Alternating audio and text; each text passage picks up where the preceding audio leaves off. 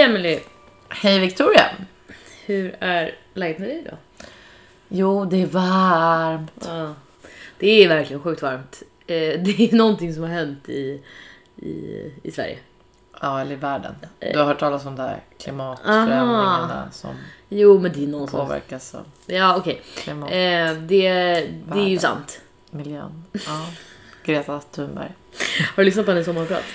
Nej, Gör det! eh, men hon, hon, skulle ju, hon sa ju en bra sak. Mhm. Hon säger många bra saker.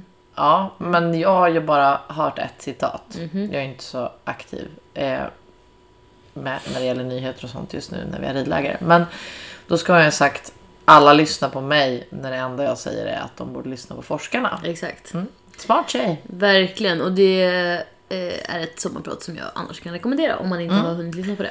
Och det, är också, det har jag faktiskt sett att det är flera andra som har lyssnat på henne och eh, tyckt att eh, hon var jäkligt bra. Som kanske inte har varit anhängare av henne tidigare. Nej. Jag säger inte att jag är det ena eller andra Nej. utan jag säger bara att ehm, eh, det är otroligt att en så pass ung tjej kan Mm. få så mycket makt och att ingen annan har lyckats eh, Ta den liksom. ta den innan. Nej.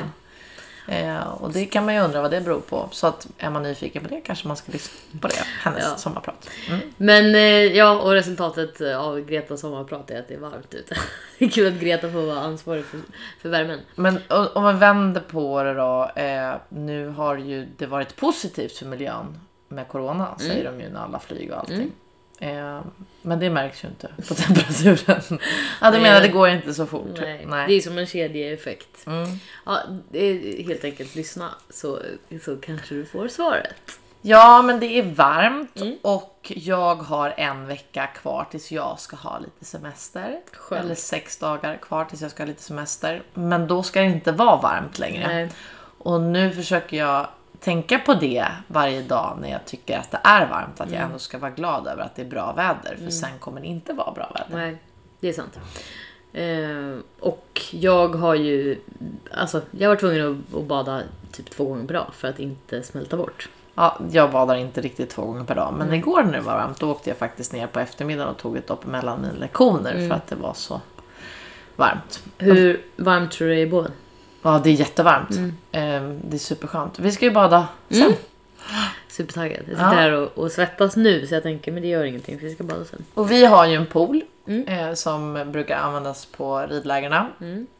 Men vi har också väldigt mycket kalk i vårt vatten. Så att eh, vi har fyllt från lite olika ställen tidigare. Man kan ta från båven och man kan ta från andra tankar och sådär. Men Mm. om man tar från sjön då är det inte lika mycket kalk i vattnet som det pappa tog sist tror jag. Jag tror att det är Alltså så att vattnet från båven ligger i poolen? Ja, precis. Mm. Och annars har vi ju en egen brunn. Smart. Men nu är det kalk i poolen och det betyder att man inte bara har tagit vatten ifrån båven utan att man har fyllt på lite extra med vatten som har mer kalk i sig. Mm. Så poolen har just nu en skimrande guldfärg. Oj. Det är inte så fräscht. Nej. Eller vadå skimrande guldfärg? Ja, när vattnet är Brunt? Gud. av kalk. Aha. Mm. Jag måste Eh. nog se det här med egna ögon. Ja, du ska få se det sen. Men det har alltså varit en ganska lång process att försöka få ordning på den här poolen. Eh, Alla som har pool förstår ju att det inte är så komplicerat Nej. och härligt som det låter för de antal bad man får. Men Mm. nu verkar det som att pappa har hållit på med den hela dagen och fått igång det här nya vattnet och sådär. Så att jag ser fram emot att det kanske kan bli poolbad snart också. Mm. Kul. Ja, tills dess får vi bada i, i sjön. Och Jag den är också ju- väldigt härlig. Ja, den är väldigt härlig. Jag har ju hört att eh, det är poolens år. Jaha, i år? Ja, men för att folk bor hemma, är hemma, corona, man Mm. åker inte utomlands. Och det skulle vara väldigt varmt också, så då folk bygger pool eller fyller sin pool, gör i ordning sin pool. Till Mm. Ja. mycket större utsträckning än vad Mm. folk har gjort tidigare år. Men sen är det också så varmt så det blir vattenbrist. Mm. Så att det är ett stort problem där hur folk ska fylla sina pooler. Jag har också hört att det är båtens år. Eftersom Mm. att alla stannar hemma och... Ja, men jag tänkte att vi skulle åka båt ikväll också. Mm. Ja. Eh, så både bad och eh, båt eh, eh, enligt, enligt Corona-året. Corona. Mm, det är ju också så här att vi har ju ridläger. Mm. Och eh, det är ju perfekt att det har varit så här varmt när vi har ridläger nu för att eh, barnen och alla ungdomar tycker att det är superhärligt att kunna gå ner och bada mellan ridpassen och man är mycket ute och sådär. Så att det passar sig ju väldigt bra Mm. den här perioden. Det enda som är lite synd är att vi vill ju att alla som är här ska ha så mycket som möjligt att göra. Mm. Man ska inte sitta och titta i telefonerna utan man ska vara ute och ha aktiviteter. Mm. Så de har ju fullspäckat schema från Mm. halv åtta på morgonen till halv tio på kvällen. Och det innebär ju att vi andra också har fullspäckat schema. Eh, och ungdomarna badar ju då direkt efter lunch men det brukar jag ju låta mina ledare ha hand om. Så att det blir inte så mycket tid själv för bad och båt och såna här grejer. Eh, men då får man passa på idag eftersom att vi har haft ridlägeravslutning och det börjar ett nytt ridläger. Så, Imorgon. eh, ja. Idag. Ja. Ja. Så får vi passa på att eh, bada lite sen när vi är klara med det här. Mm. Men skönt med lite semester. Hur Har du planerat vad ni ska göra än? Eller är det... Ja, Ja. jag och Klas och eh, två kompisar har hyrt en stuga ute i skogen i, Ah, eh, härligt. i, utanför Göteborg. Vi- vi- sk- Vilken skog? Det vet jag inte, jag kan visa dig det sen. Och huset. Nice. Eh, så vi ska kunna jacuzza och bada och eh, bara äta gott Ja. och bara ta det lugnt. Gud vad härligt, det förtjänar ni verkligen. Mm. Och det är ju Falsterboveckan då som... Precis. Ja. Eh, så att vi har delat upp det så att familjen är lediga hälften var. Liksom. Mm. Nice. Ja, jag går också snart på semester. Ehm, men vet inte riktigt vad jag ska göra än. Det kommer jag ju säkert hitta på någonting. Jag kan ju hjälpa dig. Att hitta på någonting att göra. Ja. Mm, det är jag helt säker på. Mm. Men det var någonting jag skulle säga med det. Förutom att jag inte visste vad jag skulle göra. Nej, men eh, det ser jag också fram emot. För att eh, det är ju ändå... Ja, men man blir ju sugen på att inte sitta inne så här eh, års ändå. Eftersom att det är så bra väder och så. Men samtidigt vill man ju inte vara där det är så mycket andra människor. Och Nej. jag eh, har ju tittat på lite olika alternativ innan vi bestämde allting Mm. med resan. Vi tycker det är väldigt kul att umgås med de här vännerna och vill gärna göra det när vi Mm. har tid och det passade bra med deras semester. Eh, men jag är inte så sugen på att ligga på en strand med flera tusen andra eller gå, bo på ett hotell eller gå på restauranger just nu. Utan Nej.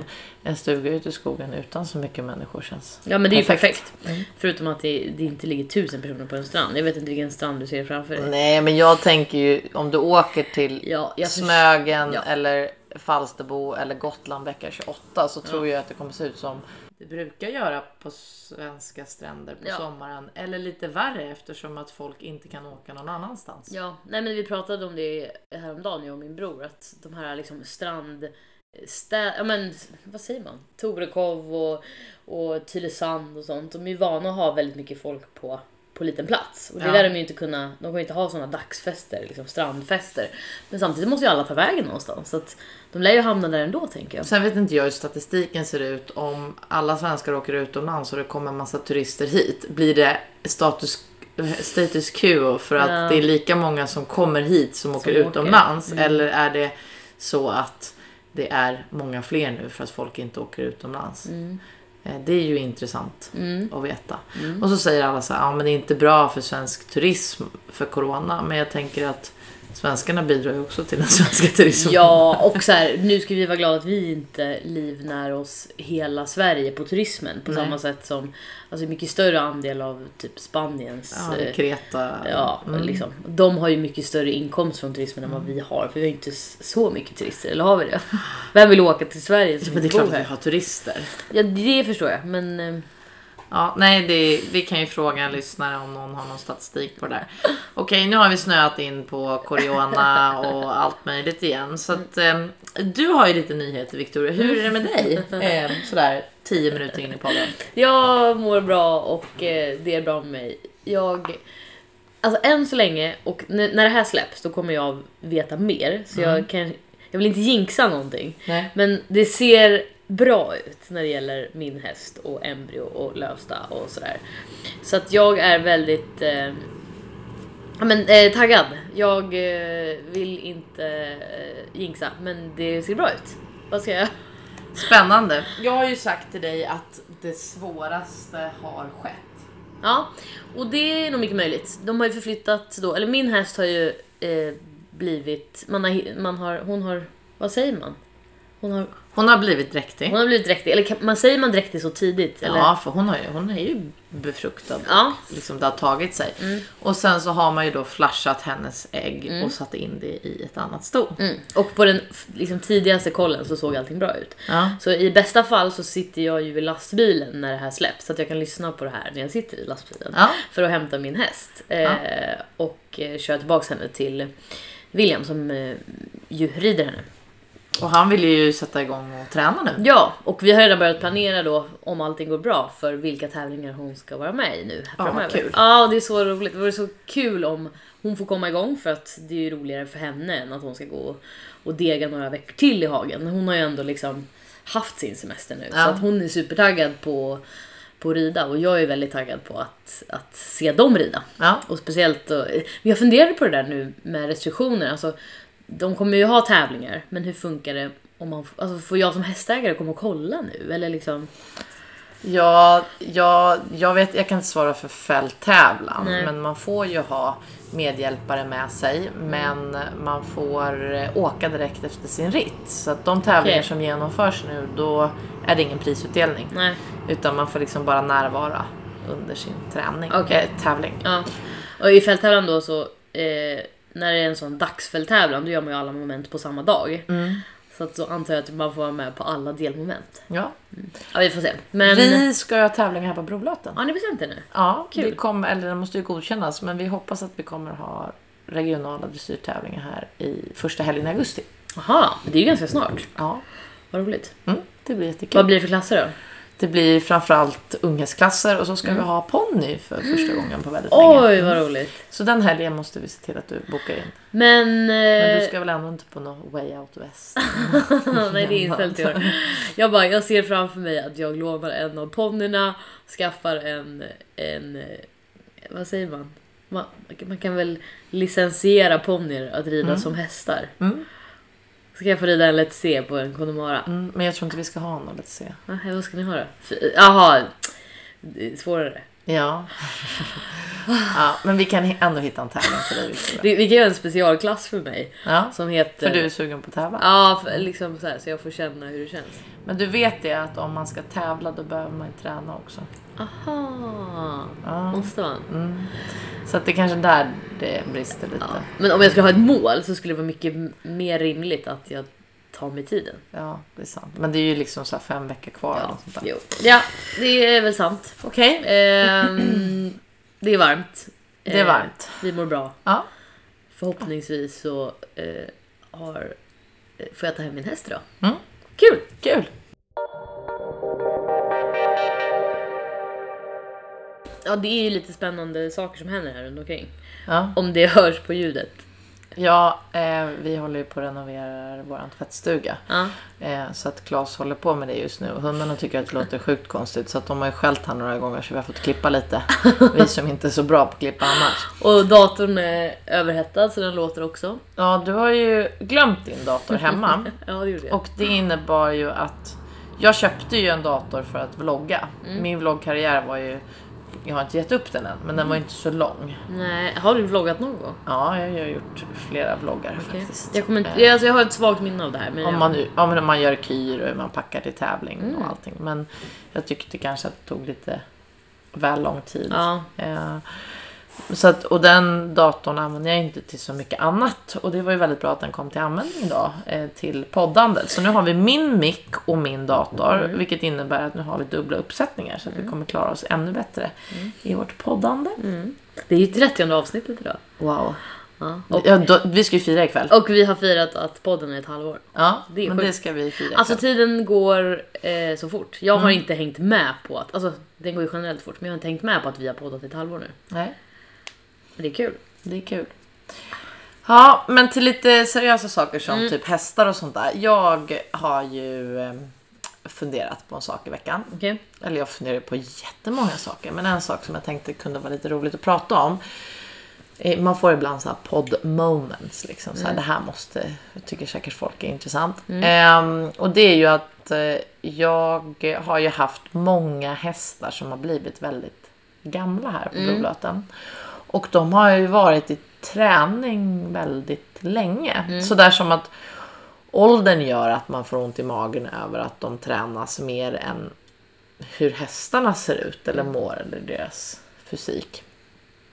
Kinko som eh, dog för, vad det nu är, ett och ett halvt år sedan. Eh, han blev ju 36 år gammal.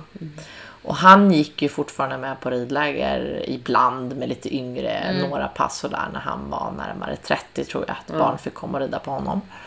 Ehm, och ehm, kontakt som är, Lika gammal som mig så han fyller 30 nästa år. ja. Han eh, gick ju med på ridläger tills han var 25, 26 kanske. Eh, och sen har de ju blivit pensionärer och jag tycker att de här hästarna har förtjänat sin pension för att de har tävlat så länge och varit så länge i verksamheten. Ja, verkligen. Eh, Briman blev ju tyvärr inte tränad lika länge eh, av alla de jobbiga sakerna han var med om. Utan han går ju bara som pensionär. Men vi har en Connemara som heter Scarlett. Som nu är 26. Och eh, hon eh, gick med en duktig elev i veckan. Ofta så är hon eh, hon är ju väldigt trygg och safe. Så hon kanske brukar gå med de som inte har ridit så mycket. Ibland går hon med vuxna och sådär också. Men det var länge sedan jag såg henne gå med någon som var lite äldre och längre och eh, ställde lite mer krav. Jag tycker att det är bra för Scarlett som är lite äldre att gå med de som är lite yngre och sådär. Ja. Men eh, nu var det ett tag sedan jag såg honom, henne med någon som var duktig. Eh, och eh, hon har gått så himla fint i veckan. Sådär så att man absolut inte kan förstå att hon är 26 år Nej. gammal. Eh, och sen är det ju klart att jag är rädd om henne och man måste ha skrittpauser och ha koll. Men jag tror ju att, precis som med människor, att om man kan hålla träningen på en jämn nivå så mår ju alla bättre av att tränas ja, än att inte tränas. precis. För man håller, de håller ju längre då. Ja, och jag var på en jätteintressant föreläsning som Agria höll i angående hållbara hästar och då hade Christian von Krusenstjerna ett föredrag om hur deras ridskolehästar tränades. Att de gick flera gånger om dagen och det var många som var eh, liksom blev väldigt gamla i verksamheten. Ja. Och att det var först när man tog ur dem i verksamheten som de blev ganska kortlivade. Att det säkraste sättet för att få en häst gammal det var att den fortsatte träna på samma sätt som den alltid har tränat. Så att det här med att man tänker så åh den är så gammal, nu kan, nu kan vi inte göra mer med den. Det är ju egentligen fel. Att så länge de vill och är fräscha så ska de ju få fortsätta röra sig. För det är ju så alla leder och, och kroppen håller igång. Och jag tycker att det var ett tydligt bevis på det eh, nu när man såg Scarlett hur fint hon har gått i veckan. Största utmaningen när de blir äldre är ju att hålla dem i vikt. Ja, för de blir ofta lite tjocka. Nej, nej, smala. Tänderna ger upp. Tänderna ger upp. Ja. Det är det som, det är inte som med människor att Nej, det är man svårt. växer på bredden. Det är svårt att hålla upp hullet ja. Ja, för att tänderna ger sig och eh, eh, hästarna har svårt att liksom eh, tugga maten så de får inte i sig allting. Och då brukar vi eh, ge dem eh, svälld kraft. Och ibland är det bättre att blöta höet lite. Eh, det som är svårt med till exempel just Scarlett är att hon har haft fång så att man kan inte släppa ut henne i en en hage med hur mycket gräs som helst. För det skulle ju ändå hjälpa. Annars brukar ju äldre hästar kunna bli runda på sommaren och så går de ner i vikt på vintern. Men med henne så vågar vi inte riktigt släppa henne i en för stor gräshage. Eh, men hon, hon är också lite smalare nu så det är vad vi jobbar mest med. Att, att hålla kvar henne i hullet. Och sen alla de här hästarna som är äldre kollar vi ju tänderna på regelbundet för att hjälpa dem. Ja men jag fick ju ta över Farabella från dig, jag tror att hon var 18 då eller något sånt där. Och så hade jag ju henne i ett par år och sen fick ju Lina ta över henne. Och det som är så fantastiskt är ju att liksom, de drar ju på sig mer och mer erfarenheter och de kan ju, alltså att de kan, eftersom att en ponny inte är så kanske hög så är det ju många som har chansen att få läras av de här, alltså för att man byter när ryttarna växer Ja, ur ponnyerna. Eh, och att det är så eh, häftigt. För då blir ju, alltså, de, det, det känns bara som att det är en, jag vet inte vad jag vill komma, en bra läromästare. ja. Och det är ju Scarlett också. ja hon är en fantastisk En läromästare. otrolig läromästare. Ja, nej men eh, jag tror att man... eh, Det är många som drar sig för att köpa äldre hästar och att hästar kanske... eh, Det, är inte, det finns ju många hästar som inte får en pension på grund av att man behöver nya fräscha hästar att tävla och rida på. Där ska man kanske tänka att det finns ju verksamheter som faktiskt har stor glädje av en häst som är Mm. 18-19 också. Som Verkligen. kan gå många år, att hästarna får fortsätta Mm. eh, vara kvar vid liv för att de fyller ett syfte jag- eller en funktion. Även om man inte kan ha en 22-åring som tävlingshäst så Nej. till. Liksom. Men och alla är inte ute efter att tävla så att det är väl Nej. liksom jättebra att de kan fortsätta och berika. Och det är ju såklart individanpassat. Men Ja. jag tycker absolut att om det inte är något fel på hästarna så ska de ju få fortsätta att Ja. röra på sig och att man lyssnar på hästen. Liksom, för Ja, så det länge de mår bra av det. Ja, det är fantastiskt att... Eh, alltså, vi vill ju inte byta våra hästar. Vi Nej. älskar ju våra hästar. Så Ja. Mm. man vill ju ha dem man har. Liksom. Så att, eh, jag, blev, jag har faktiskt varit lite rörd i veckan över fina Scarlett. Ja, många personer som inte håller på med hästar som frågar hur gamla hästar blir, blir ju ofta chockade när de får höra hur gamla de faktiskt blir. Ja. Alltså att det är ett djur som verkligen hänger med länge. Eh, men det får ju mig också att fundera på ibland vart alla hästar hamnar. Ja. Alltså jag tänker att det finns ju väldigt många som, eh, alltså de lever länge. Det finns Ja. många hästar, det föds upp mycket hästar. Och sen så, och jag förstår ju att det finns människor som tar, tar hand om hästar liksom när, vad ska man säga, alltså pensionärer. Ni har ju möjlighet till det här. Ni har, har ni tre pensionärer här? Två? Just Jo, nu? men egentligen så om man ska vara helt ärlig så, så är ju inte det här en plats för pensionärer. Om vi Nej. har alla hästar i vår verksamhet och sen tänker man att alla hästar som står här som hanteras av alla och går i verksamheten Mm. eller tar upp en, en boxplats för en utbildningshäst så blir det ju en... Ja, Ska man jämföra Brimans boxplats med vad jag egentligen kunde ta för en häst Mm. inackorderad eller en häst på utbildning så är ju Brimans pension den går ju aldrig i- i- igen ekonomiskt och den är extremt dyr. Så att Ja. han hade ju det hade varit mer ekonomiskt för mig att låta honom ha pension någon annanstans. Men det är som jag säger, jag tycker att han har tjänat in den Mm. Ja. och han har ett ex- extremt emotionellt värde för mig. Ja men såklart. Men det, det är då jag menar att du kan ju ändå ha ett par pensionerade hästar här. Du, du gör det i det Ja, utrymmet. jobba lite mer helt Ja, enkelt. ja men precis, du, du gör det i utrymmet. Men vad händer med alla andra hästar som inte har en egen? Alltså för jag har ju ingen egen gård. Så skulle Men jag det här är ju sånt, alltså jag tycker ju, nu är det många av våra lyssnare som skriver frågor, men Mm. jag tycker att det hade varit jätteroligt om man fick lite berättelser om de ämnena som vi pratar om. Mm. Ja. Mm. Till exempel, jag har en friser och jag älskar rasen, tack för att eh, ni får gärna berätta det här i, i podden. Mm. Eller, eh, gud vad roligt att ni tog upp äldre hästar, jag har haft min häst så här så här länge Mm. och det går precis lika bra att träna honom och jag tänker på de här sakerna. För sånt, alltså man Mm, ju äldre man blir ju mer erfarenhet får man och ju mer berättelser man hör eller mm, ju mer lär man sig. ju. Så att det är ju roligt om vi kan spinna tillbaka ibland på några av de ämnena vi pratar om. Absolut. Och ni vet ju Eller vad... ibland tycker ju folk inte att vi har rätt. Nej, Antar jag. ja, så är det. Men de kanske bara slutar lyssna. Men ni får Ja. ju slå oss på fingrarna också. Det är helt okej. Någon gång så hade jag ju sagt häst. Vad är det sagt? Art Arter istället, för, ras. Mm. Ja. Vi ber om ursäkt för det. Ja. Nej, men det, och det, men vi, ni, jag tycker ju att poddlyssnarna är väldigt snälla mot oss för vi Ja. får inte så mycket smäll på fingrarna. Nej. Men vi, eh, vi kanske borde ha det ibland. Men det är det jag menar. Det är Ja. kul att ha en dialog med alla som lyssnar och, och liksom utveckla podden Ja. ännu mer. Så att det är bara att skicka in era berättelser till barbackapodden. Exakt. Och apropå det har vi inte en fråga. Jo men det har vi.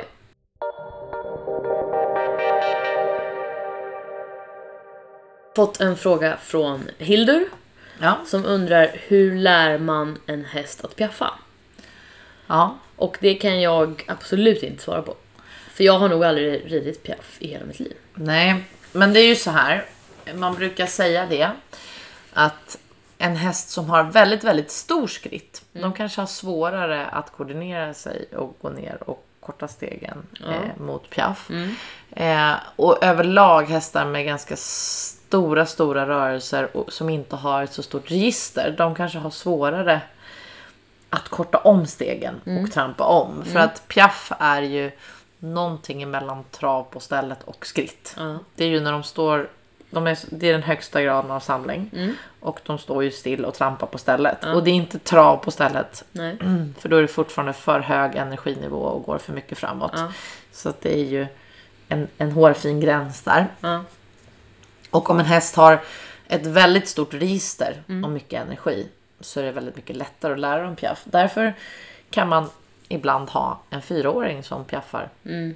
utan att man har bett om det. Och sen så kan man ha en häst som man har haft hela livet och prövat alla olika knep som aldrig hittar koordinationen. Eh, och aldrig förstår vad det var man skulle göra. Men vad är skillnaden på, jag har ju suttit på eh, ponnyer som har taktat. Mm. Och det är ju, det känns, det är ju kanske mer trav då på stället. Eller vad, hur ska man definiera Ja, för det är inte så hög energinivå och Nej. det är inte heller lika samlat. Nej. Och de, oftast när hästarna taktar så går de på sniskan. Mm. Och det är ju för att de måste samla upp sig så mycket när de taktar. Ja. Men om de ska ju då gå över från takt till piaff och bakdelen är rakt under dem och de ska samla sig, då blir det Mm. Ganska jobbigt. Så det Exakt. är därför de liksom kommer lite Faller ut. sladdandes. Min, eh, min ponny Cloetta var en, eh, eh, vad säger man, E- expert på takt. Mm. Ehm, men eh, jag, eh, det finns ju någonting nära takt Mm. ehm, i piaff. Och jag hörde en, bara för alla som inte har någon aning om vad piaff är, Mm. kanske alla våra lyssnare som inte är hästintresserade, Ja, så hörde jag en jag historia om eh, hur man lärde hästar piaff i Ryssland för länge sedan. Okej. Och då red man ut med eh, en stor flock hästar Ja. som alla kände varandra. Mm. Och sen red alla utom en hem. Mm. Och den som var kvar lärde sig piaff. Det är liksom nervöst trampande då. Ja, precis. Så att det är ju alla. inte så långt ifrån piaff. Nej. Men så lär inte jag mina hästar piaff. Nej. Och det är också så här, det finns ju hästar som man inte tycker... Någonstans så finns det ju en utbildningsskala Ja. man måste följa. Eh, och det finns en utbildningsplan att de ska gå eh, unghetsklasser, och de ska gå Sankt Georg, och de ska gå intermediär och sen så ska de gå... Så att det är många saker de behöver lära sig i samling innan de... Så en fyraåring som piaffar av sig själv ska man kanske inte bestraffa om de inte gör det konstant i skritten. Nej. Man behöver inte uppmuntra det för mycket heller. För det är Nej. inte så bra för en fyraåring. Eller varför ska den göra det i fyra år? För? Man Det- behöver ju inte bara träna det utan man får inte glömma bort alla de andra sakerna Nej, men det är göra. ungefär som att man inte tränar byten på en, en eh, ung häst som ska gå för vänd galopp. Så att Nej. den inte bara råkar byta när den inte ska Lite det. så liksom. Att du, och alla hästar som piaffar mycket, de får ju lite kortare skritt och har väldigt nära till piaffen. Mm. Så att eh, det är också... Och, och sen så eftersom att det är högsta graden av samling så är det ju ansträngande så man ska ju Mm. inte träna en för ung häst med det. Nej. Men man kan introducera det och man kan berömma det. Mm. Och när man gör det, det beror ju på hästens talang och vart den, hur lätt den har för sig. Mm. Jag eh, har ju haft hästar som jag har börjat med piaff när de har varit åtta. Mm. Och de har blivit piaffmaskiner. Och sen har jag hästar som eh, jag inte har börjat med det. Utan de bara redan av sig själva gör det. Om Mm. man trycker i benen och samlar lite. Liksom. Så det är ju väldigt olika. Mm. Men jag tycker ju att det är bra att börja för hand. Vi har ju en eh, kille som heter Ubbe eller Urban Nordström som har eh, hjälpt mig i många år och lärt mig hur man introducerar piaff för hand. Och han går ju bredvid hästarna eh, och håller i tyglarna som om man satt på hästen. Ja. Och sen så använder han ett litet spö som, som drivning då eftersom man kan ju inte skänkla När man står bredvid. när man står bredvid. Eh, och då, det här är inte så att man lär hästarna piaff på en dag utan han kommer ju hit regelbundet och tränar då. Och då tränar man bara skritt, halt, skritt, halt och får kontroller från hästen från marken. Och sen successivt så kan man lära dem att takta på stället och sen piaffa och så mycket beröm. Och sen måste man ju koppla den här träningen till att man sitter på sen. För det är inte säkert att hästarna förstår bara för att man har lärt dem Nej. från marken. Och då kan man ju ibland sitta på och sen så är det någon som står bredvid och gör Samma likadant. hjälper. Ja. Ehm, och sen så andra hästar lär man bara genom att träna. När jag var i Holland tränade vi mycket skritt, halt, skritt, halt. Så man fick väldigt bra kontroll på eh, skritten. Och sen så istället för att skritta ur halten så började man piaffa för att få dem kvicka för skänklarna. Så det lättaste sättet att vad ska man säga, gå in i en piaff är från skritt och inte från Nej, trav. det är också olika individer vad de har lättast för. Det beror ju på deras register i gångarterna. Jag själv har lärt många hästar att piaffa ur skritt. Ja. Men hästar som eh, har väldigt bra energi och kanske lite för heta i skritten och väldigt stort register, de kan man nog gå ner ifrån trav ganska tidigt Mm. och, och börja korta stegen i traven och samla upp att de ska trampa lite mer på stället. Men har du exempel på någon sån häst som är liksom lättare kanske att piaffa från trav och är Ja, lättare från skritt? Tesla. Tesla har ju ett stort register. Hon har väldigt mycket energi. Så Mm. henne har jag ju börjat samla lite mot piaff från traven. Mm. Och jag tycker det är lättare på henne att göra från trav. Eftersom att hon är väldigt het. Så Mm. håller man på för mycket från skritten då kommer ju det påverka skritten också väldigt Då mycket. börjar hon takta istället. Ja.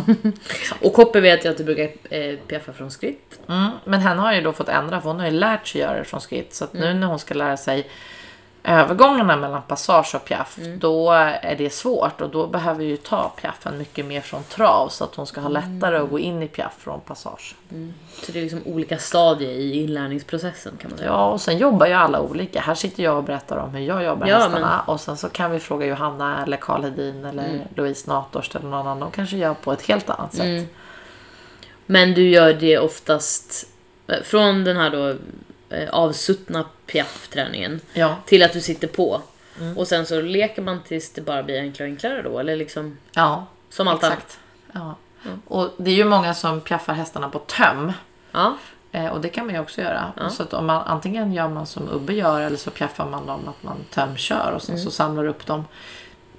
Det viktiga är ju bara att det är en sak att jobba hästen från marken och det är en sak att sitta på. Så man måste ju koppla, koppla samman signaler. Ja.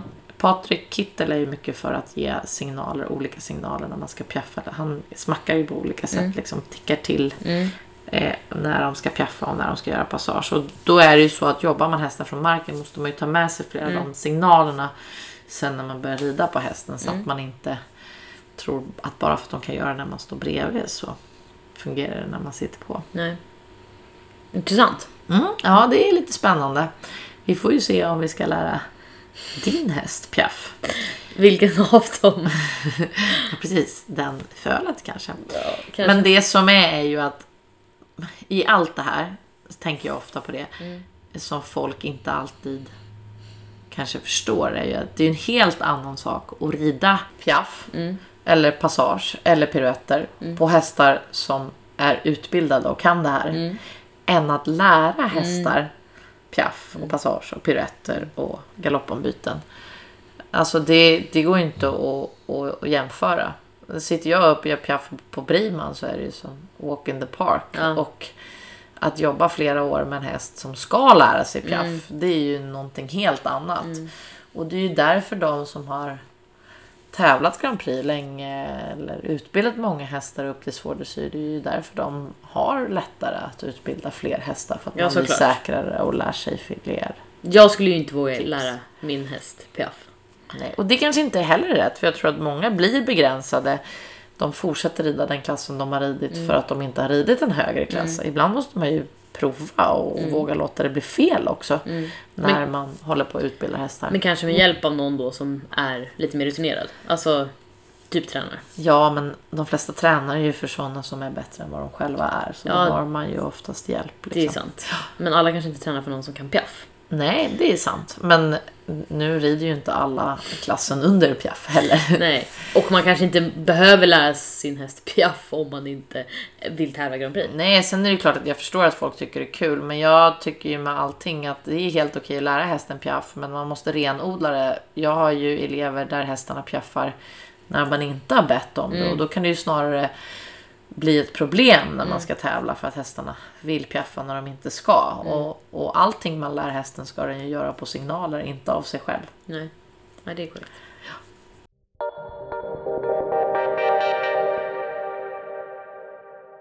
Jaha, eh, vad händer i veckan då? Ja, vi kör ju ridlägarvecka fullt ös eh, innan vi åker på semester. Jag eh, ska styra upp de här tävlingarna som jag håller på att förbereda. Eh, jag funderar på att boka en träning med Tesla. Hon var helt Kul. fantastiskt fin idag när jag red. Eh, hennes ägare var här. Eh, så att jag kanske ska ta och eh, planera det imorgon och boka in det. Se om vi ska åka någonstans och träna. Jag är väldigt träningssugen just nu. Mm. Inga tävlingar inbokade än. Nej, jag tror att den första tävlingen blir här på Brolöten. Jag känner att det är så mycket med verksamheten Ja. här hemma. Och ingen av hästarna som akut behöver Nej. ut just nu. Liksom. Nej. Jag kom på mig själv idag med att sitta och, och eh, kolla resultat på Equip. Mm. Och att det var så länge sedan man gjorde det. Ja, jag vet. Men det är ju kul att det äntligen börjar dra igång. Ja, det känns jättebra. Eh, Det är verkligen bra för sporten att, Ja. att det är igång igen. Jag var ju med i radio Ja. och pratade om det. Om det är bra det är för sporten. Om det är någon som har missat det. Ja, nej men jag tycker det känns jättebra. Men jag känner mig inte så panikstressad Nej. för egen del med tanke på det som har hänt med Kopper. Ehm, och eh, vi har, ehm, det har varit två sju dagars läger. Det här är ett sex dagars läger som är nu och det är många yngre på det här lägret. Så att jag har haft väldigt många snälla vänner som faktiskt har lånat in lite mer äldre och rutinerade ponnyer till den här kursen för att vi ska kunna genomföra den. Eh, mindre också, för det är, det är inte så ofta det är så här många yngre Nej. deltagare. Nej. Så där har jag behövt låna lite, lite äldre, mindre ponnyer. Mm. Eh, så att det ser jag fram emot. Och sen är jag ju en sån här planeringsmänniska så Mm. att jag har redan i huvudet börjat packa för min semester. jag köpte ett par skor idag på nätet. Oj, oj, oj. Eh, De vill jag se. Mm, det, det känns faktiskt kul att Mm. ha något att se fram emot. Det är ju kontrasterna som gör livet tycker jag. Mm. Så mycket hästar och mycket aktivitet på gården och massor med ridläger. Mm. Och sen kommer nog den här tvättstugan vara klar snart. Så jag ska ju börja tvätta igen efter att ha haft tvättuppehåll nu. Nej, jag har ju tvättat men det har ju inte eh, varit så lätt att tvätta Nej. de senaste månaderna. Så jag ser verkligen fram emot att bli klar med eh, den. Det ska Nice. bli superkul. Vad händer för dig då? Jo, jag har ju åkt på något eh, form av eh, makabert sko skoskav. Så att jag eh, kan inte just nu springa. Men jag har ju fått reda på att eh, Lidingöloppet nog kommer bli av. Och det vet jag att jag har sagt för länge sedan i podden att jag skulle göra en halvklassiker med min gamla kollega Ja. och kompis. Eh, så att Vansbrosimmet kan man ju göra hemifrån, så det ska vi göra.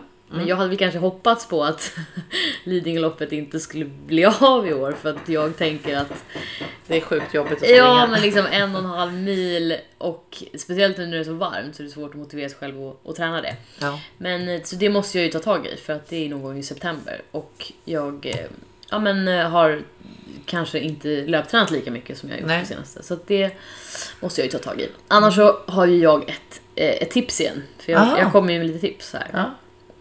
Och du kanske inte alls kommer anamma det här men nu när man är mer hemma och inte kanske tränar så mycket bland folk så Mm. är det...